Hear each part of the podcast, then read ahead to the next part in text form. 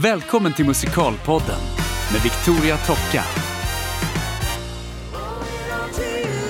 Succéföreställningen Från Broadway till Duvemåla med de största musikalhitsen och sång i världsklass är nu ute på Sverigeturné för åttonde säsongen. Säkra dina biljetter på frånbroadwaytillduvemåla.se.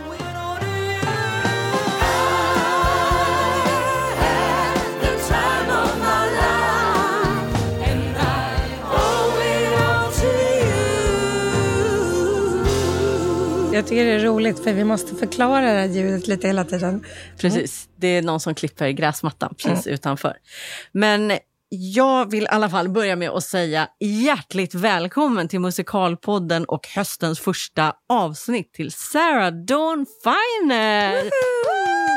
Tack så mycket. Alltså det är så himla kul att ha det, för jag har försökt få tag på dig. Ja, jag förstod det när Ja. vi träffades. Dock inte lyckats så himla bra. Och sen Nej. stötte vi på varandra i Ja. Eller för bara några veckor sedan. Och du bara, du får jag vara med i Musikalpodden? Jag bara, eh, ja. Tack. Så att, eh, ja. Jag tänkte, jag satt och googlade en massa. Jag har ju naturligtvis koll på dig. Men Ja, jag, det har man ju Ja. lite, men inte alltid så mycket som man tror kanske. Nej, men jag tänkte man vill ändå förbereda Mm. sig. Liksom.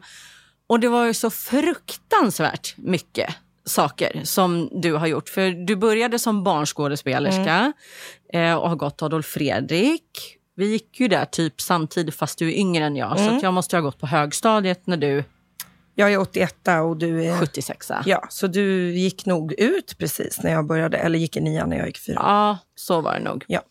Eh, I en skola med 1300 elever, så det är inte jättekonstigt att vi inte, inte träffades. Nej, men eh, man har ju ändå lite koll på Mm. vilka som har gått på skolan och sådär. Eh, och du har gått Rytmus och du har Mm. skrivit en massa egen musik och du är programledare, sångerska. Som sagt, du har gjort hur mycket som helst. Men för att den här eh, podden liksom inte ska sväva ut alldeles för mycket så Nej. tänker jag att vi ändå kanske ska fokusera på musikal Ja. Ja, det tycker jag Känns med. det rimligt? Ja, det tycker jag. ja. Eh, men jag tänker, med tanke på att eh, du ändå började så tidigt och har gjort så många olika saker. Eh, hur kommer det sig att eh, du gled in på musikal? Var det liksom na- en naturlig... Det var en ganska naturlig grej. Det handlade jättemycket om två väldigt eh, kulturintresserade föräldrar. Ja. Eh, min mamma kommer från New York, min pappa kommer från London. Eh, det fanns redan ett stort arv och ett intresse i deras liv av musik, teater, dans och kultur i alla dess former. Ja. Eh, när jag då var barn så började min bror Renny Mirro, som folk garanterat vet just i den här podden, i och med att han är en av Sveriges bästa musikalartister. Han började på Svenska Balettskolan och vi släpades med där och tittade på en massa eh, ballett. Och, eh, så att jag minns alltid att jag har liksom, mina föräldrar har tagit med mig på teaterföreställningar och på konserter och det har varit allt från Tina Turner, Ray Charles och Prince som vi har gått på. Och sen har vi också gått, om vi har varit i New York, så har vi försökt gå på Broadway sen en jättetidig ålder. Den första stora musikalen som jag minns att jag såg på Broadway var en föreställning som hette Jelly's Last Jam som var med Gregory Hines när han fortfarande levde och Wow. Young Lover. En sån här, du vet, du kan inte ens idag riktigt tro att du har varit med om att se dem på Hur scenen. gammal var du då? Fattade Då var jag typ du då? 6-7 Nej. år. Eh, jag fattade att jag såg något helt galet. Framförallt, jag hade aldrig sett Step. Liksom. Eh, och det var ju helt o... Det var ju fantastiskt. Och Ja. dessutom, eh, i, i, min värld, så förutom såklart filmmusikalerna som var en jättestor del av min barndom via min farmor som gick bort förra året. Hon var också britt och, och, och sångerska. Och hon, mm, eh, klassisk sångerska. Och hon eh, spelade jättemycket filmmusikaler för mig och min syster när vi var små. Allt ifrån Danny Kaye till liksom såklart Singing in the Rain och American in Paris och Sound of Music och West Story och sådär. Så vi, Ja. just den sådär filmmusikal eh, grejen kommer jättemycket hemifrån eh, som konstform betraktat. Och jag tror att tidigt när man både är superintresserad av att spela teater och sjunga, eh, intresserad av dans men absolut inte eh, liksom kunnig, så var det en, en fantastisk värld att kliva in i. Att åh, jag får sjunga som någon annan och jag får berätta historier som Ja. någon annan i musik. Ehm, så att jag, alltså, några av de föreställningar som jag minns påverkade mig absolut mest, eller framförallt musiken, var när jag var liten, det var Hair. Hair kommer jag liksom aldrig glömma. när jag hörde intro till Aquarius. Liksom. Nej. Och sen West Side Story som jag såg jättetidigt på Kinateatern.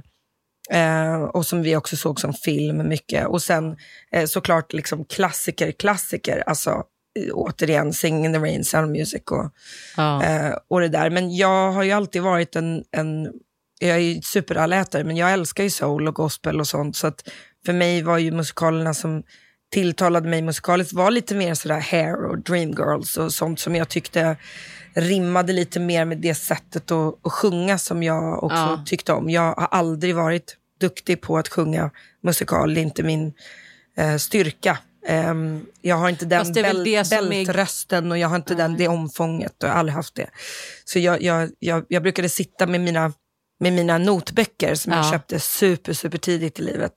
Eh, och om det var just en musikal som var klassisk, Fantomen eller eh, ja, vad kan det ha varit med? Ja men typ, typ de där Webber, Sunset Ja. Boulevard, whatever it was. Då brukade jag sitta och så automatiskt så lärde jag mig hur man transponerade två hela tonsteg. Okej. För då kunde jag sjunga alla låtarna. Men, men det jag mest tyckte om att sjung var, eller sjunga var killsångerna. För Aha. att de låg i min range. Alltså Ja. en låt som Sunset Boulevard ligger fortfarande mycket bättre i min range, eller Pity the Child eller något, än vad en tjejlåt någonsin okej. har gjort. Liksom. Eh, Så jag ville spela Judas när jag var liten, för min syrra gjorde det i Jesus Christ Superstar. Jag ville liksom, du vet, jag ville spela de där lite rock-souligare röstrollerna. Och de, Ja, de finns ju fler nu, men det finns inte jättemånga. Nej, det men var då en- var det lite färre för tjejer. Ja, absolut. Det var så här ja. Effie och jag var inte svart. Och det var eh, alltså Effie, Ja, Dreamgirls precis. och alla sådana där roller. Liksom. Men, men eh, nu finns det ju en helt annan värld. Och sen så tyckte jag det var kul när det var roligt såklart. Så att jag tyckte om roliga roller och roliga karaktärer och så. Ja, okej. Men ändå så har du ju gjort ganska... Alltså det är ju inte bara roliga musikalroller du har gjort. Alltså Nej, det jag jag, vill- kan tänka... Eller var Jag vill, inte, jag vill inte göra roliga Nej. musikaler, men jag tyckte det var roligt Okej. att sjunga. Alltså när man får skådespela. Om du förstår, jag menar, eh, om du tänker på den old school sortens Guys and Dolls till exempel. Ja. Adelaide var en mycket mer intressant karaktär för mig än den söta, fina, Ja, jag fattar. liksom, eh, vad hon nu heter. ja, jag kommer inte ihåg ens. så, så, sådana karaktärer drog sig Mm. Anita i West Side Story istället för Maria. Alltså, alltid den där lite mer karaktärsdjupa kvinnan. Ja, Eh, men nej, när jag har spelat så har jag bara sökt mig till fullständig ångest. Ja, det har varit mycket drama, ja, känner mycket jag. drama. Men var Rent, skulle du säga, din första stora Absolut. musikalroll? Ja, gud ja. eh, Joanne i Ja. Rent, som var ju ändå någon slags... Eh, eller man får ju säga att den är ju i princip kultförklarad även i Sverige. Ja. Den uppsättningen, för det kändes som att det var eh, en av de här... Alltså när man verkligen tog in en ny genre och en ny eh, generation Mm. musikalartister och det blev liksom... Det var också en av de få första musikaler, jag kan, jag kan prata om bara den produktionen i fyra timmar. Så det ska jag inte göra. Men det var en ny, jag skulle säga att om Kina teater-eran som jag pratade mycket om i mitt eh, musikalprogram som var liksom den stora sådär eran i, i Stockholm framförallt i musikal-Sverige. Om den var baserad på dans, som den ju mycket var. Ja, det var, precis. dansens era av musikaler och dansare som många gånger blev skådisar och sångare. Så skulle jag säga att med Rent var det precis tvärtom. Det, Där Ja. tog man in popsångare och man tog in andra sorters eh, oskolade eh, artister eh, Ja. som tillsammans skapade en, ett, ett lite annat sound, precis som i originalet. Ja, att man det. liksom sökte sig utanför normen. Sen hade vi också jättemycket utbildade musikalartister, men, men några av de huvudrollerna som gjordes var ju inte av, av folk som är skolade eller utbildade musikalartister. Nej, precis. Lex ja då till exempel. Ja, exakt. För du har aldrig gått någon specifik musikalutbildning utan Nej. det är liksom learning by doing. Ja, alltså jag gjorde så här musikaler när jag var barn och sen Ja. skådespelade jag jättemycket i mellanstadiet i tv och film. Ja. Och sen började jag livnära mig helt på att bara sjunga, göra plattor med folk och turnera och liksom hålla på i den världen jättemycket. Och sen var jag, jag ska spida igenom det här lite, men jag var 15 år och såg Rent 1996 på Broadway. Jag vann biljetter i ett lotteri, eh, hade blivit rekommenderad att gå dit, såg, eh, satt längst fram och tyckte, det här är första gången jag ser någonting som appliceras på mig, på den trots att jag bara var 15, på den världen som jag tror att jag lite mer rörde mig i då. Eh, den såg ut som verkligheten gjorde, den såg ut som New York gjorde då. Ja. Och eh, den var liksom inte en fantasihistoria av, även om jag älskade Jekyll och Hyde och allt sånt också, så var det Ja. liksom inte en, det var inte Lemis, det var inte som att titta på Nej. en annan tidsserie, utan det var verkligen så här, oh people look nu, like this liksom. and Ja. they sound like this. And, och så kommer jag ihåg att jag ringde min brorsa ehm, från New York och sa, om du någon gång får höra att den här musikalen, för då var han redan i musikalsfären liksom. ja, Om du någon gång får höra att den här musikalen ska upp i Sverige, det lär ju ta tio år eller något, så vill Mm. jag jättegärna söka. Så säg till. Mm. Och så tror jag att det tog typ tre år. Jag var 18, kom jag ihåg, på auditiondagen. Ehm, och så ringde han och sa, jag har hört att den ska upp nu, så att eh, du borde absolut söka. Och Ja. jag gjorde precis det där som alla gjorde, liksom cattle call-grejen. Ja. Namn på en lapp och gick upp och sjöng och sjöng en Louise Hofsten-låt, kommer jag ihåg, som heter Never Gonna Be Your Lady. Och eh, gick till Jan Åström som var koreograf och sa, jag kan inte dansa, så att jag är inte här för det. Jag Nej. kan inte alls. Och han var så här, nej men vi får se hur du rör dig, du är ju Rennys syster. Och jag bara, nej jag säger det här igen, jag kan inte dansa. Eh, nej men vi fattar, du behöver inte låtsas att du ska liksom på dansaudition för dansare, utan eh, jag var då ute på turné, kommer jag ihåg, med Erik Gadd och Ja. med eh, Peter Jöback och med Jonas Gardell och gjorde någon, några gig med liksom Robin och Sears. Jag var liksom inne i, i, i musikersvängen och jag tyckte ju som klart, såklart då att Rent var en lite mer sån sorts musik. ja, Så att, nej, på gott och ont, så, eller på liksom vinst och förlust, så gick jag dit på audition och det gick skitbra. Ja. Och jag har aldrig, jag har gått på typ tre auditions i mitt liv och det där är typ det enda som har gått bra. och jag träffade en regissör framförallt som jag blev otroligt förälskad i och han blev väldigt förälskad i mig. Vi hade ett jättefint samarbete under den Ja. produktionen och det var en engelsk regissör som hette Nick By som var här och gjorde Rent. Och det coola med det var ju såklart att han visste inte vilka vi var. Så han Nej. visste inte om det kom in en superetablerad artist eller inte, utan han gick bara på vad han såg och vad han hörde. Ja. Och jag som var engelskspråkig och som hade väldigt mycket connection till New York och den här historien, jag tror att vi också hittade varandra. Jag hjälpte till att och, och liksom översätta allt som jag inte kanske tyckte rimmade riktigt med originalöversättningen. Och, Ja, jag. Ehm, jag blev ett, ett, ett språkrör för föreställningens på något sätt ä, autenticitet. Ja, jag ville jag att den skulle liksom, eh, vara den New York jag kände till. Det är klart att det inte blev, men du förstår menar. ja, jag förstår. Ehm, och det var ju världens bästa läxa. Alltså, vi hade ju jättekul i den produktionen och det var ju en, en start för jättemånga av oss. Och jag var 18 och spelade typ en 30-årig lesbisk advokat som egentligen alltid spelas av en afroamerikansk eh, kvinna ju. Ja. Eh, Så att det var ju mycket i den föreställningen som var annorlunda än vad det var i originalet, såklart. Men eh, nej, gud, jag, det var, jag gjorde den Men av och i nästan tre år. Ja, och hur kändes det mötet, tänker jag, med liksom en, en musikalproduktion för första gången på det sättet? då? Jag menar, du hade ju ändå gjort liksom både skådespelat och gjort musikal, sa du, när du var liten. Var inte du med i det här gänget som gjorde Les Misérables på, på. AF? Jo, exakt. Ja, det jag var jag. tänkte nästan den där klassiska produktionen som alla som var med vet om. Ja, För det var ju typ den mest unika produktionen ever, Mm. av amatörer och barn framförallt. Ja. Det var jag. Mm. Ehm, eh, redan då var jag inte tillräckligt bra för att spela de tjejrollerna, men jag var en del av det gärninget som satte upp den. Liksom. ja, just det. De är fortfarande mina bästa kompisar idag. Ja, vad kul. Ehm, men eh, så var det där jag träffade Jesper Rydén och Albin Flinkas och alla de här människorna. Det var ju Ja. första gången Jesper sjöng musikal någonsin. Ja. Vad var vi? Jo, eh, alltså, Jo, men om jag ska vara helt ärlig, den liksom till och om jag ska vara helt ärlig ja. så blev jag superbesviken på att det inte alls var så bra som jag trodde att det var att göra en professionell föreställning. Vad menar du då? då? Jag tyckte inte folk var tillräckligt eh, pålästa. Jag tyckte att det var mycket som gjordes på ett konstigt sätt än, än vad jag trodde att det gjordes i, i en Menar du då från det kreativa teamet eller från Ja. kollegor? Nej, eller? både och. Ja, både och. ja. Men eh, jag, jag slogs väldigt snabbt av att, aha, aha, jag har alltså otroligt mycket högre så här, eh, behov, eller större behov av att saker och ting ska vara jätte, jätte, jättebra. Ja. Och jag är villig att jobba svinhårt för det. Mm. Och det är verkligen inte alla. Nej. Så att det var min så stora läxa, att folk tycker det är okej när det är okej. Och jag tyckte inte det. Nej, jag... Och där I'm har jag varit, you. skulle jag säga, i 30 år.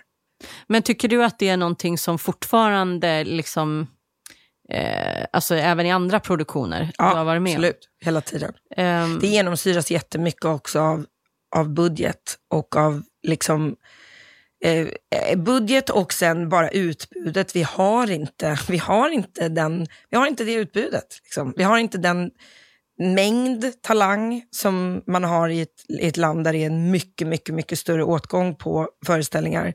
Ehm, vi har jättemånga fruktansvärt bra artister, dansare och sångare som tekniskt är briljanta. Ja. Men man ställer inte alls lika höga krav här på någonting i någon del av branschen. spelar ingen roll om det är Melodifestivalen eller om det är en musikal som man gör i England eller USA. Nej, men det kan jag eh, hålla med om. För Tyskland. att jag har jobbat också Ja. mest utomlands. Ju. Och det, och det är positivt och negativt, för jag Ja. tycker att, att på sättet som jag får höra att kollegor jobbar med när de jobbar i England, jag tycker det låter helt befängt.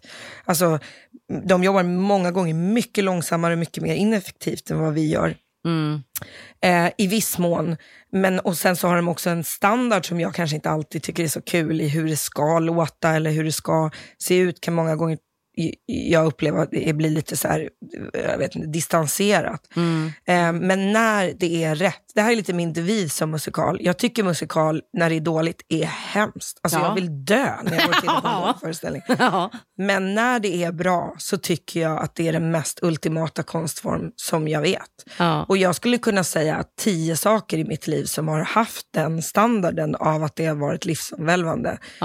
Rent, hur mycket jag än älskade den som 15-åring, är inte ett konstverk som är musikaliskt jättebra eller manusmässigt heller. Den har några fantastiska beståndsdelar, några karaktärer, några liksom ögonblick sådär. Men, men en musikal som till exempel eh, The Color Purple, ehm, Dear Evan Hansen, West Side Story, alltså vissa sådana här, Hamilton, de är liksom så jävla bra på, all, på alla instanser, på själva berättandet och manuset och, Ja. och texten och liksom arrangemangen i musik och låtarna och sådär. Eh, och många gånger regin. Så att jag, eller roliga föreställningar som första gången jag såg Jurassic Chaperone och tyckte den var helt briljant, eller Book of Mormon som ju är Ja. bäst i sitt slag. Liksom. Ja. Ehm, så att när det görs rätt så tycker jag det är fantastiskt. Ja. Och det är skitsvårt att få det att göra rätt. Vilket är därför jag tror jag gjorde ett program om hur mycket det faktiskt krävs för någonting att bli Och jag är så jäkla glad för att du gjorde det Ja, programmet. det är många som jobbar med musikal som säger Ja, det. nej men därför att jag tycker, och det har jag sagt många gånger, att eh, vi har egentligen inte fått någon ny... Eh, det känns som att vi är på väg uppåt igen. Musikalgenren, om man säger, börjar få mer plats och ta mer plats i, i media och så igen. Men det har varit en ganska lång torka, skulle jag säga, sen senaste som var då 90-talet med de här Kristina från dansmusikalerna. Duvemåla och, och Ja, men Fame det, och Grease. precis. Men Kristina kom ju lite så här på efter svansen där. Men innan dess så var det ju liksom ja, men det där gänget Mm. som din brorsa, Kalle Deal, Petra Nilsson, de, det Mm. gänget liksom. Och sen har vi liksom inte fått någon ny riktig skjuts. Och, nej. Och jag stör mig ju enormt mycket på hur fruktansvärt svårt det är att få hål på svensk media. För de är fan mig bara intresserade av idol eller talang eller den här liksom underdog-grejen. Ofta så, så pratas det om musikalartister eller musik, liksom på ett negativt sätt, som att det skulle vara dåligt att alla är stöpta i samma form. Bitvis kan det ju absolut vara så. Men precis som du säger, att när musikal är riktigt bra, då är det så fruktansvärt bra. Jag har ju någon slags eh, mission, tänkte jag säga, om att jag, vill verkligen få fram nya musikalstjärnor. Jag vill liksom få igång den här eh, nya, vad ska jag säga, musikaleran. Eh, alltså få ett nytt typ 90-tal, eller vad jag ska Mm. kalla det för. Alltså en sån topp igen. Eh, och där var ju programmet eh, som du gjorde som hette Sarah Sound of Musicals. Eh, nej men det var ju ett otroligt eh, bra steg i rätt riktning och som verkligen behövdes tyckte jag. Att någon som faktiskt också brinner för konstformen och förstår den och vill den väl, eller vad jag ska säga, gör ett sånt program. Hur fick du igenom det och hur tänkte du kring det programmet? Um, det började faktiskt med en podd. Alltså så här är det, jag är nörd i, i ordets rätta bemärkelse i allt jag blir intresserad av. Det spelar absolut ingen roll om det är Motown som jag har nördat i många år eller om det är eh, liksom O.J. Simpson som jag satt och tittade igenom typ alla rättegångsvideos i ett halvår efter jag hade sett den där O.J. Simpson-serien. Alltså jag blir lite störd. Liksom. Jag läser bara självbiografier, jag blir väldigt fascinerad av människoöden och har alltid blivit det. Jag älskar att prata med folk, jag älskar att intervjua människor, vilket man inte kan tro för jag pratar så mycket. Men, men, när, men när jag intervjuar någon så, så tycker jag att det är genuint det mest spännande som finns. Att få ställa de där frågorna som jag många gånger märker att andra människor inte gör. Ja. För att nå någonstans där jag tycker att, att sanningen finns. Jag tycker ett ytligt samtal är ganska ointressant. Eh, ehm, och med det sagt så jag upplevde att jag var i New York och, och såg så mycket av en, en musikal-era som jag inte alls upplevde att vi i Sverige eh, var medvetna om. Den största grejen var väldigt mycket när Hamilton kom, att, Mm. att, att hiphop fick plats på Broadway, att, att du vet, eh, Lin-Manuel Miranda var på framsidan på Rolling Stone Magazine, att det blev, även i USA, blev liksom helt plötsligt coolt. Mm. Ehm, och med mycket andra föreställningar det året som också var väl, väldigt eh, eh, diverse. Alltså, eh, det fanns andra sorters berättelser än den vita, vanliga, privilegierade feelgood-musikalen. Ja. Vilket också gör att den applicerar till en annan sorts publik. Ja. Eh, och det tyckte jag var väldigt intressant. Det började också komma upp filmmusikaler igen som var original för musikaler. Alltså Lex eh, La La Land hade precis vunnit Oscar. Ja. Ehm, men jag blev i alla fall tillfrågad av Jan Gradvall som är en super, super eh, respekterad eh, musikjournalist i Sverige. Mm. Nog topp tre skulle jag säga. eh, I hans podd att prata om ämnet varför är vi så rädda för musikaler. ja. Och då sa han, jag vill gärna intervjua dig eh, för jag ser att du åker och tittar på teater hela tiden och eh, Edvard af Sillén som ju är en av de få musikalälskande, kunniga och väldigt breda regissörerna och manusförfattarna jag har. Det vill säga han gör ren teater, han gör stora shower och han gör även musikal. ja. Så vi pratade, jag och Jan, och uh, jag pratade lika mycket som jag gör nu. Och han sa, jag hinner inte med att liksom, få ur något av det jag ville säga. För allt, alltså jag vill bara lyssna i timmar. ja. För att det här är något som jag inte riktigt har satt mig in i, alltså musikaliskt i stort. Nej. Men vi pratade väldigt mycket om att den här grundläggande på något sätt standardlåten, jazzstandarden, Ja. mycket kommer från musikalen. Mm. Alltså allt ifrån Cole Porter till you name it. Det, det kommer från en tid och en era när det inte var två skilda världar. Utan man Nej, sjöng, precis. det man sjöng på klubbarna sjöng man på scen och det man sjöng på scen sjöng man på film och sådär. Mm. Och då så sa han, shit vad du kan mycket om det där. Alltså, vore det skitspännande, du måste ju göra någonting med den kunskapen. Och när jag Gradvall säger, du måste göra någonting med något, då säger man till sig Då själv, gör man det. Eh, måste jag? Vad spännande. och då ringde jag upp till Martin Wårdstedt som då var någon slags kulturchef. Inte lika mycket chef som han är idag, men någon slags Ja, chef på SVT Kultur. Och så sa jag, kan vi ta ett möte, jag har en idé. Och så sa jag, den idén jag pitchade och det programmet det blev är ju såklart långt ifrån varandra för att det, det, det Så det blir ska ju ofta. formateras också in i SVTs eh, värld. Eh, jag kan ju bara förklara att jag gissar på att vi har ungefär 75 timmars intervjuer som inte är med. Så ni kan ju tänka När hur, mycket, kommer de? hur mycket material som jag har gråtit över att man inte kan få med. Och då fick jag ändå sex halvtimmar. Så att, Jag tänker att vi Det var- behöver typ 60 halvtimmar ja, till. nej, men alla vill ju det som tycker det är Ja. intressant. Andra människor tyckte att det var otroligt mycket det de fick. Så Ja, okej. all, allting är relativt. Liksom. Men i alla fall, vi började prata om det och Martin eh, hade också ganska mycket kunskap kring ämnet och tyckte fan det här är spännande. Jag har liksom inte riktigt tänkt på att vi inte har gjort det här på SVT. Nej. Ehm, så vi höll på med det där ett och ett halvt år fram och tillbaka i olika så här, har ni en slott nu? Kan vi pitcha det här till kultur? Liksom, Nej, det här året är fullt, men Ja. vi kanske kan pitcha det nästa vår vi får se, bla bla. Och sen var det jävla snabba, du vet, man väntar på något i två år och sen är det så här, kan du Nu. komma och pitcha nästa vecka? Ja. Och då pitchar man i ett rum med alla programchefer på SVT. Ja. Det är som en gigantisk audition och så har man gjort någon slags moodboard och vi har lagt upp en massa bilder och klipp och grejer. Ja. Och så står jag bara och pratar. Ja. Eh, Tillsammans då egentligen med, med med liksom utvecklingsavdelningen. Ja, just det. Men vi tyckte att det var lättast att bara skicka in mig och låta den här malen mala. Det tror jag också var en bra idé. Och sen fick jag ett svar där det var så här, vi har sex halvtimmar som du kan få och den här budgeten och det här är riktningen som vi vill att det ska ta. Och så Ja. fick jag liksom en, en producent kan man säga. Och sen Ja. gjorde jag ett års jobb ehm, själv, mer eller mindre, tillsammans med de som jobbade. Alltså jag gjorde allt i produktionen. Jag Ja, gjorde research och jag, gjorde, jag, jag satt i alla lägen för det här var verkligen min bebis. Sen Ja. visste jag att jag äger inte det här materialet, jag kommer inte få bestämma hur det ser ut, men jag vill åtminstone se till att vi får så mycket ehm, liksom kött på benen så att de åtminstone inte kan säga vad synd att vi inte hade det där som var intressant. Nej, jag fattar. Eh, och sen så gjorde jag, vad, vad jag tyckte var viktigt var att jag tog in en tjej som heter Åsa Holmgren som jobbar med musikaler i, i Sverige. För att jag vill inte ha en researcher som inte kunde något om ämnet som Nej. jag behövde lära upp. Det tar så jävla lång tid.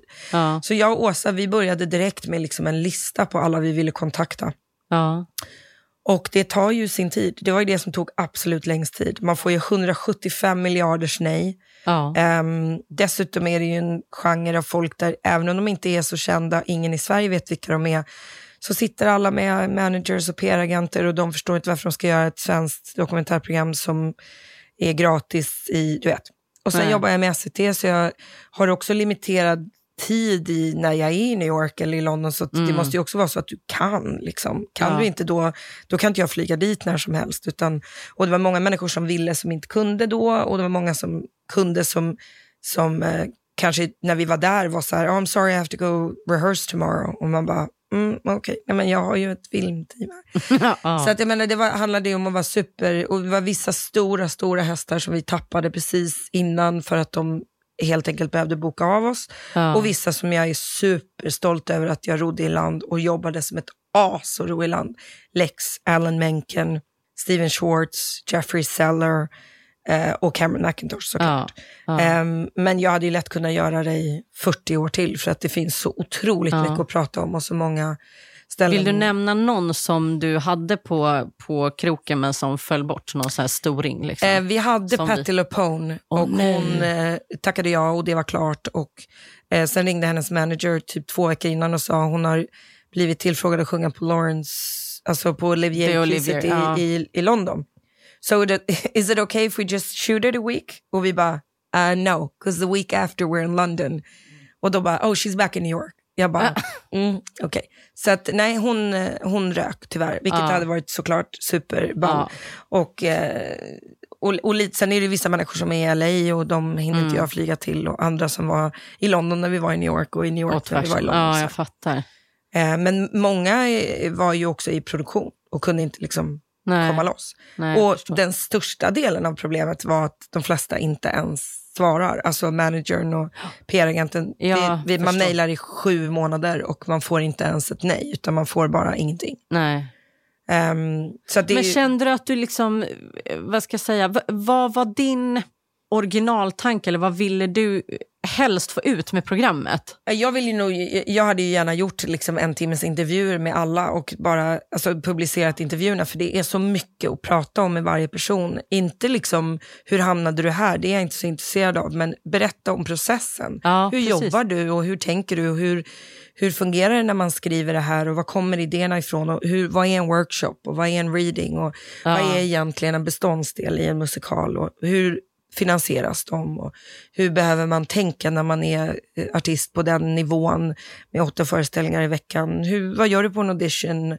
Ehm, och varför är den här konstformen så skör? Alltså, Det Ja. vill säga varför är den så lätt dålig och varför den är, är den så lätt eh, liksom eh, sedd på på ett visst sätt här som den inte är i Sverige och sådär. Ja, Det var precis. mycket, jag, alltså jag, jag lyckades få med allt det där, men i jätte, jätte, jätte mindre format än Ja, jag, jag kanske trodde. Men så många sa som har kommit upp till mig på stan, för dem var det mycket mer än vad de någonsin hade sett. Och det, Mm. Även om det är skitkul att göra det för oss som är intresserade, så kan jag ärligt säga att det roligaste har varit när någon kommer upp och säger, alltså jag kunde inte ett skit om musikaler, brydde mig inte om musikaler, tyckte inte ens om det. Och jag tyckte Nej. det här var jätteintressant. Ja, Eh, det har varit det roligaste. Och det Ja, händer mig nästan jämt när vi pratar om den, att någon säger eh, någonting sånt. Så det har varit jätte, jättekul. Och även då mitt team, alltså kameramännen och Mm. kvinnorna och eh, ljud, eh, alltså mitt, mitt crew som jag åkte med Ja. och min producent, alla var ju så här,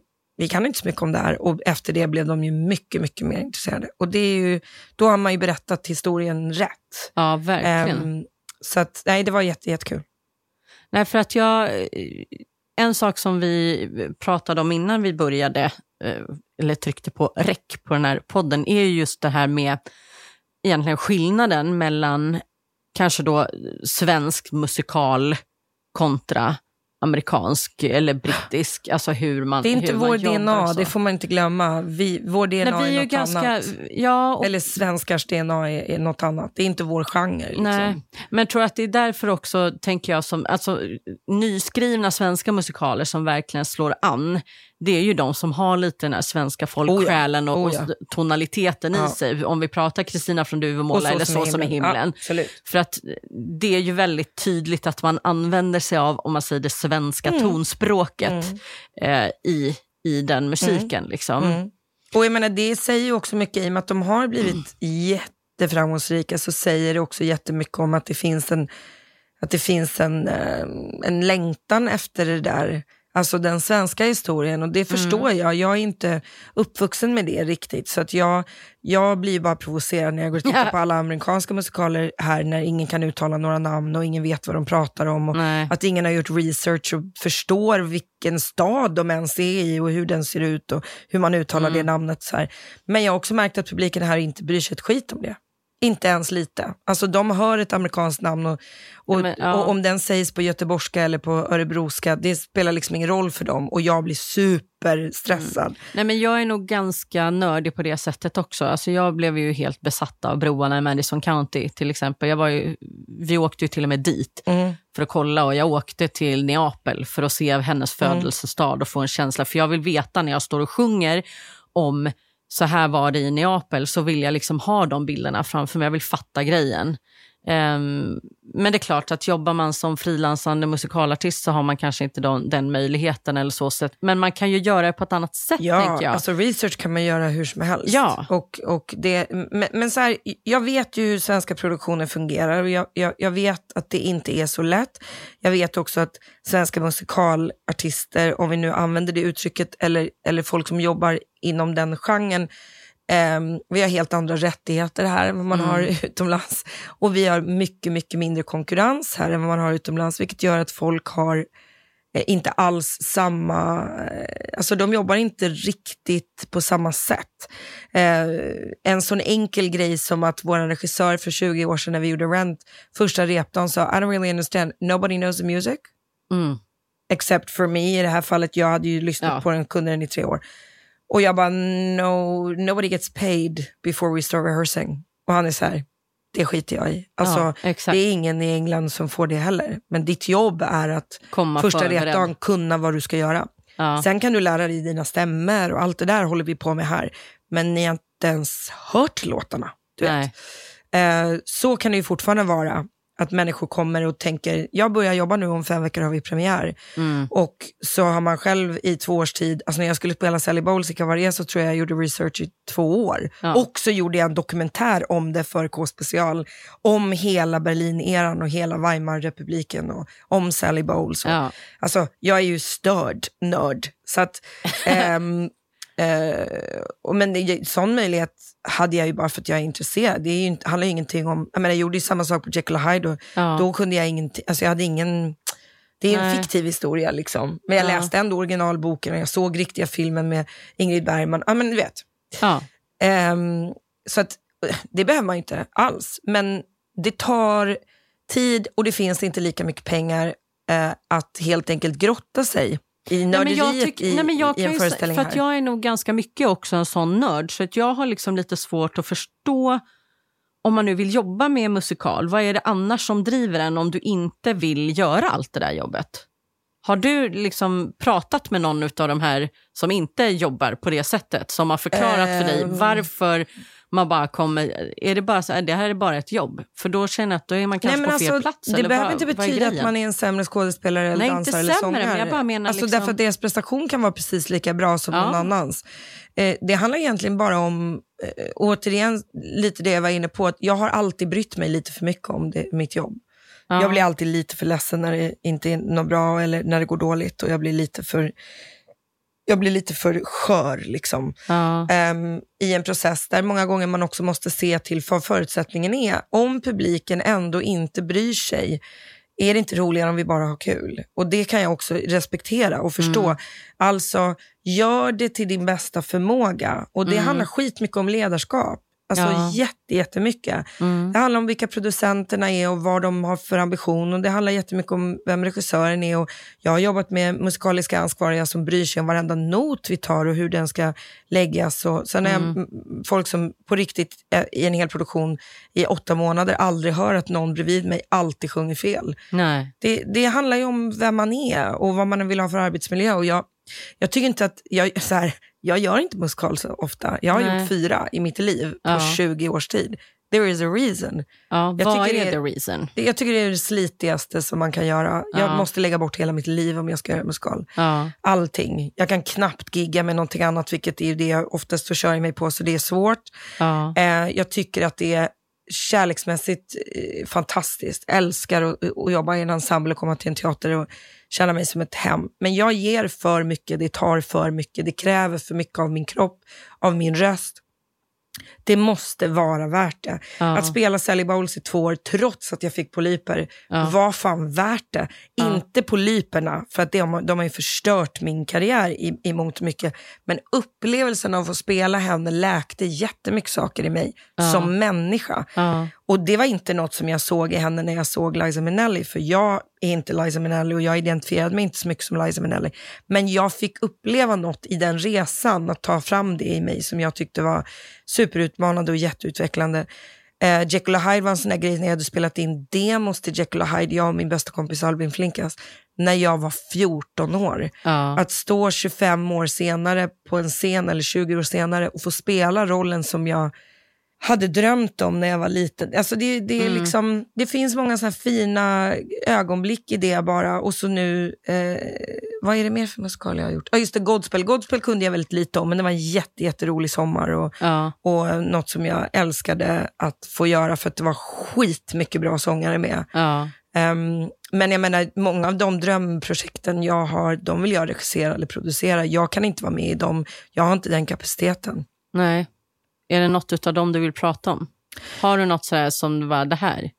Alltså, så här, Ligger fortfarande, eller liksom, nej, men jag är väldigt realistisk. Ja. Så jag är inte sån person som skulle säga, men det här kan vi göra här. För det kan vi inte. Allt kan vi inte göra i Sverige. Vi har, Nej. vet, Nej, någon, någon kom till mig, eller ganska många människor har kommit till mig efter, ehm, efter programmet och sagt så här, tror du att Hamilton någonsin kommer hit? Och så säger jag, det hoppas jag verkligen inte. Nej, Det, det är inte, vi kan inte det här. Nej. Så gör vi den här så måste vi göra den på ett helt, alltså Jason Timbuk måste liksom översätta allt och typ spela huvudrollen om det ens ska fungera. Vi, det, det, det kräver en helt Mm, annan kunskap än vad vi har, för vi har inte så jättemycket Nej, men plus att den känns rappande också som sångare. att den bygger så otroligt mycket på det, alltså USAs egna historia. Ja. Vi har ingen koppling riktigt till den historien. Jag tyckte det var en av de bästa föreställningarna jag någonsin har sett när jag Ja. såg den i New York. Men jag förstår precis vad du säger, det kommer inte gå att göra den i Sverige. Ja, men, det- men och även om man skulle vilja så, så, så handlar det mer om så här, ja, gör, gör det om du vill liksom utmana dig själv så, men inte i, i, i, i form av vad jag egentligen tycker vi ska ägna oss åt, för det är inte riktigt vår grej. Nej. I, i, i- alltså, jag kan också tycka så här, ja, men vad har det för förankring? Men menar, om du tittar på det som går i kommersiellt bra i Sverige så har det ingen förankring i, i, Sverige, i Sverige heller. Alltså förutom Nej. Så som himlen så är ju alla historier engelska eller amerikanska och de är ju fiktiva eller kommer från en film eller, Mm. eh, eller så sätter vi upp samma historia tusen gånger som Sound of Music och West Side Story och folk tycker fortfarande att det är det bästa de har sett. Mm. Även om de ser det i en liten amatörversion för att de älskar det och har en relation till det. Och, Mm. och um, Det måste man också respektera, så jag är inte så intresserad av att så här bryta marken här. Men jag uppskattar när man vågar göra kvalitativa föreställningar på ett annat sätt. Jag älskade att de gjorde Next to Normal några år sedan på, på Stadsteatern. Mm. Jag, eh, liksom, jag längtar lite efter att man vågar göra vissa av de här föreställningarna som vi som åker och tittar mycket på teater kanske känner att, åh, du vet, tänk om den sattes upp och folk fick se den här sortens musikal. Ja. Det är inte så ofta man, man kommer ifrån att klassikerna är de som folk köper biljetter till. Det handlar faktiskt snarare om, alltså som jag sa, jag kan prata om det här i 800 år. Det handlar faktiskt snarare om att jag tycker att biljettköparen är riktigt lat. Jag tycker att ingen, och jag förstår det här, Mm. men jag tycker verkligen att vi lever i en tid där, och det här gäller ju mina egna konserter också, att publiken vill garantera att de vet vad de får. Och jag har också hört av producenter när jag ibland har pitchat saker som jag skulle vilja göra. Det här är fantastiskt, men just nu behöver vi ha någonting som folk mår bra av. Ja. Det vill säga något som alla vet att de får skratta åt och då är det en feel grej Och jag som du märkte inte är jättepepp på att göra feel Jag brukar väldigt sällan vilja göra musikaler då, därför att 90% av det är feel Ja. Ehm, om det inte finns en förankring i det. Jag har haft ett projekt i sju års tid som jag har velat göra och en roll jag har velat spela som, jag, som inte blev av nu och det var jättetråkigt. Vad var det? Det kan jag inte säga. Okej. Men, eh, för om jag gör det sen. Nej, så, men, men det blev inte av av rent praktiska, Mm. du vet, inte rätt teater, inte rätt läge, inte rätt rättigheter på rätt sätt och sådär. Ja. Men det är liksom en roll på tio års tid som jag har tittat på och tänkt att så här, det här Ja. vill jag spela. För att den är förankrad i mig. Jag, Ja. jag, jag, vill, jag vill ta två år av mitt liv och göra den. Mm. Ja, och, så var ju Broarna-projektet Ja. för mig. Jag var bara tvungen att göra det. För jag kände att den här chansen får inte jag annars på något annat men jag sätt. tror som regissör eller producent i framtiden så tror jag att jag skulle kunna ge mig på det mesta som, som jag tycker är intressant. Ja. Och, eh, Har du menar- regisserat förut? Nej, det har jag inte. Men du är sugen? Ja, Ja. Jag, jag, ja, framöver tror jag att jag är det. Eller Ja. jo, det har jag alltid varit, men jag vågar inte riktigt än. Nej. Men, ehm, men det tror jag absolut att jag skulle vilja göra framöver. Har du något, eh, så här, vad ska jag säga, drömprojekt? Eller någon sån här som bara, men, om jag skulle få chansen eh, att sätta upp vad jag ville eller regissera vad jag ville, liksom, då, då skulle jag välja det här. Liksom. Um, nej, men återigen är jag lite för realistisk där. Ah, okay. För jag tittar aldrig så stort och tänker det här vore ju, utan jag tittar så här, mm, vilken historia skulle man kunna få in på till exempel en teater som inte kostar för mycket pengar, ja. men som ändå skulle kunna sälja och som skulle kunna, du vet jag är inte så här, Ja, jag fattar. jag sitter väldigt sällan och liksom rosa-mässigt har någon illusion om mitt liv. Till exempel så när jag fick Jekyll och Hyde-rollen så tackade jag nej tre gånger. Det var en, the role of my dreams, men jag var superärlig och sa jag kan inte sjunga det här. Jag har inte alls det omfånget. Nej. Tills de kommer till ett läge där de säger så här, men vi sänker tonarterna. Vi Ja. vill att du ska spela. Vi vill inte ha den rösten du tror att vi vill ha, utan vi Nej. vill ha din röst. Ehm, det där gör jättemånga människor som älskar musikal och tonartshoreri eh, horeri väldigt upprörda. att man har mage att sänka till en sångerska som inte klarar av att sjunga tonerna. Men Fast det, där så är, ser det ut händer idag. ju ibland. Alltså det, jag kommer ihåg, det gjorde de ju redan i Kristina från Duvemåla när de bytte mellan olika Kristinor och hade olika tonarter. Men så att jag, det är inte så att jag är orealistisk och säger Nej. så här, ja det är klart jag ska spela den, utan jag har tackat nej till exempel till att spela Evita för att jag kan inte sjunga det. Jag har tackat nej till, jag har tackat nej till ganska stora Ja. grejer för att jag vet att vi måste fucka för mycket med de här arren för att det ska funka Ja. för mig. Och i andra fall så har jag känt att, som med, med Cabaret så var det jättetydligt från början att det här ska inte vara Liza Minnelli. Nej. Det ska vara din Cabaret. Så att du får arra och jag och Jocke Hallin satt och arrade det här utifrån hur jag och den här visionen av den här föreställningen skulle låta. Ja. Jag arrar ju inte någon annans låt, men hur låter det när jag sjunger och vad passar bäst för just våran version? Till exempel valde vi att göra, jag och Ronny Danielsson och, och, och Jocke Hallin valde att göra kabaretlåten i slutet på kabaret till ett, liksom, ett skrik bara. Ja. Ett fruktansvärt ångestladdat nummer där hon ger, inte klarar av att stå och uppträda framför en massa nazister. Och om du tittar på filmen och 90% av de andra föreställningarna som görs, så görs den med glädje. Ja. Alltså det är verkligen, life is a cat. Och Ja. jag stod bara och skrek och sen slängde jag micken och gick ut och bröt ihop. Så jag, jag, jag tyckte, ju- hon var i mitt fall väldigt trasig i den versionen vi satte upp. Ja. Och eh, det var inte en trumflåt för henne. Det var inget, var inget vinnande ögonblick, utan det var hennes sista desperata liksom, försök till att ehm, ta sig igenom sitt kaosartade liv. Liksom. Ja. Och eh, jag tyckte det var supermäktigt. Hade någon sagt till mig att vi vill, du får ett år på dig, liksom, lär dig steppa och, och ehm, lär dig att göra det här precis som originalet är, då hade jag sagt nej. Ja. Och det har jag gjort många gånger. Jag har sagt nej. Jag brukar börja med att säga, vill ni göra originalet, då är jag inte intresserad. Vill ni göra något annat som jag kanske klarar av, då är det absolut intressant. Men jag har också ibland sagt nej för att jag tycker att de ska göra originalet. Ja. Om du förstår vad jag menar. ja, jag förstår. Jag har också fått konstiga frågor om att spela roller för att jag säljer biljetter som jag tycker att andra människor ska spela för att de gör det bättre. Vi pratade om en annan grej innan vi tryckte på play-knappen och det var just det här med mellansnack och skillnaden mellan var, att vara, spela en roll och vara sin egen... Eh, Att vara sig själv ja, men vara sig själv. annan. Ja, men Mm. precis. Eh, därför att... Eh, Ja, Jag ser ju ibland musikal som semester, för jag får ju spela teater. ah, okej. Ja. Alltså det vill säga, eller när jag gör film eller tv, för att jag får vara någon annan. Ja. Jag är ju evinnerligt trött på att vara mig själv på scen. Alltså Ja. evinnerligt.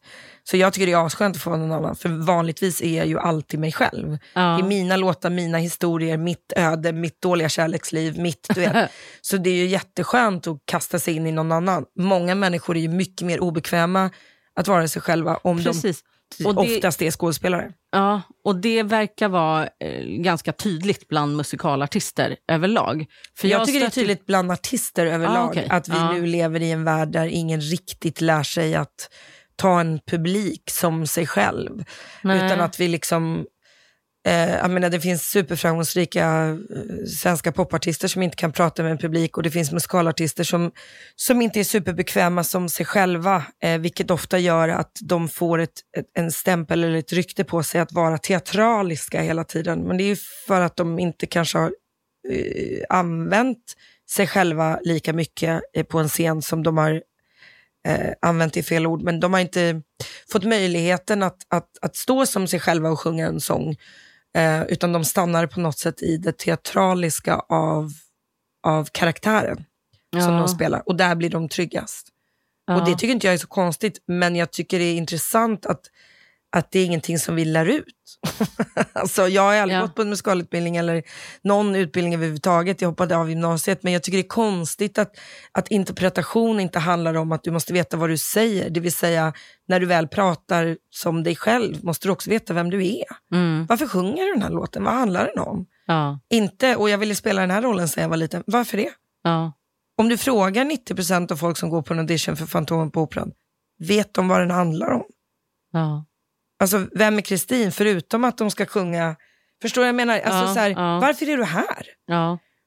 Det här är ju liksom, det finns en, i, i, i Sister Act-filmen så finns det ju världens bästa mening som Whoopi Goldberg säger till Lauren Hill.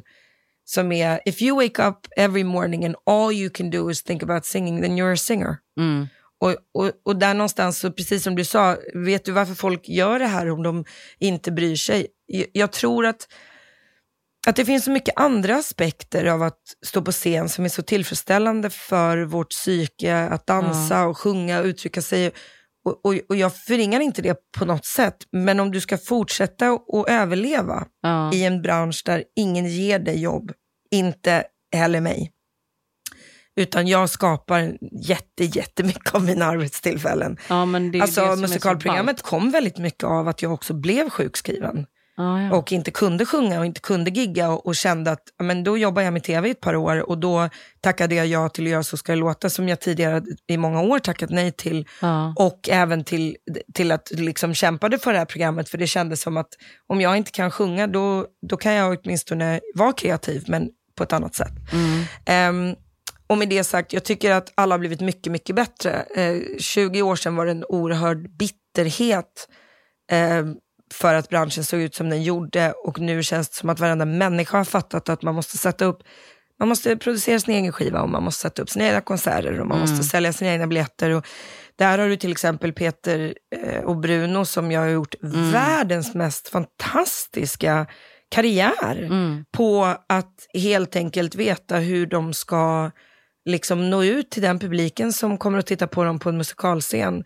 Eh, Renny och Kalle har ju gjort någonting helt annat och många andra, Gunilla Backman och, och många andra har Det ju gjort finns ju många som men, gör. men, det, men det tar ju en stund liksom. Och det, Ja. och det tar ju, tror jag, en, en drivkraft eh, som innebär att du vet vad du har för styrkor och du vet vad du har för svagheter och att du spelar till dina styrkor och, och använder dig av eh, allt du lär dig. Liksom. Ja. Eh, ja men okej, det här är jag, typ jag blir duktig på att dubba. För jag är bra på att spela såna här karaktärer och jag har inte musikaljobb jämt. Så jag söker mig till att dubba, du vet, Ja. tecknad film. Ja. Jättemycket musikalartister som gör. ja. För det behövs ju alltid någon härlig sån röst. Liksom. Ja. Och du, jag kan ge dig 3000 sådana exempel. Många blir lärare eller pedagoger vid sidan av. Ehm, och artistyrket i stort spelar ingen roll om du är musiker, eller om du är dansare, eller om du är sångare, eller jobbar med musikal eller teater. Alltså, nobody has a job all the time. Nej, men så är det ju. Att, Men det är ju ett extremt bra exempel också, eller du är och många med dig. Men just det här att förklara, tänker jag, för eh, både unga musikalartister som precis ska ut i arbetslivet och de som kanske inte är musikalartister eller jobbar som frilansande i nöjesbranschen. Att det finns ingen artist i Sverige som sitter och bara får telefonsamtal. Alla, i alla Ingen. fall som jobbar under Ingen. lång Och då- tid, och då ska vi också prata om projekt. att till exempel en person som Peter Jöback, som ju är störst inom den här genren i Sverige, alla kategorier, Mm. producerar sina egna föreställningar. Ja. Han är med i att Häxorna i Eastwick kommer till Sverige. Han är med i att Fantomen kommer till Sverige. Mm. Han sitter inte på sitt arsle och väntar på att någon ska ge honom de rollerna. Utan Nej. han förvaltar det han kan och det han vet och han producerar själv och han skapar I Love Musicals. Och han, alltså, vi, det är så här, welcome to reality.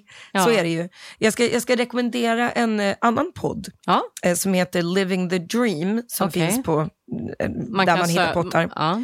En, som heter Ro- en kille som heter Rory O'Malley som är musikalartist i, i USA på Broadway. Han har varit med bland annat i Book of Mormon och i Hamilton och, och mycket annat. Och han gör det du gör, liksom, fast han gör det med, med folk där borta. Mm. Just och det. det. som är spännande med det är att att jag brukar alltid säga så här, lyssna på deras liv och ha lite perspektiv av hur svårt det faktiskt är. Ja. Alltså det vill säga, du kan ju boka en, eh, det heter inte det på svenska kanske, boka, men du kan få en stor huvudroll i en helt ny produktion som slutar gå efter två månader på Broadway och så är du arbetslös i tre år till. Och även under tiden när du gör en produktion måste du ta klass och du spelar åtta i veckan Mm. och du lever med fyra roommates i New York och du har knappt råd att betala hyran. Eh, och du måste göra audition hela tiden därför att föreställningen kan sluta gå när som helst. Mm. Och tusen miljoner sådana grejer. Så att många gånger när vi har ett, ett, ett, ett kontrakt på en föreställning här i ett halvår och folk är så här, ja nej men jag vet inte, det är sådär. Då kan jag bli så här, men alltså det är Mm. jättemånga som bara vill ha jobbet. Ja. Så att vi ska försöka då förvalta det så gott det bara går. Ja. Ja, Jag har gjort två intervjuer i New York mm, som, från första säsongen av Mm. eh, Musikalpodden som Mm. är superintressanta, men där de just pratar om det här. Liksom, eh, ja, men, the eh, hustle liksom. Ja, Mm. och att liksom, du kan ha skrivit, tacka nej till ett jobb, skrivit på för ett Mm. år, du är redo att spela, föreställningen lä- läggs ner efter en vecka. Och sen är det liksom bara, eh, det mycket, mycket tuffare. Jag menar, I Sverige har vi ju det här skyddsnätet med, nej men jag behöver inte jobba nu för jag går på a-kassa ett halvår. Man bara, eh, what? Eh, så att, ehm, Så är det någonting jag skulle säga till alla som, jag vet inte riktigt vad du har för, för liksom demographic, men, men framförallt till folk som kanske inte har riktigt etablerat sig än, så skulle jag säga att skaffa sjukt mycket talanger och tänk brett hela tiden. Får du göra musikal, toppen. Får du göra musikal som är bra, halle fucking luja. Musikalpodden med Victoria Tocka.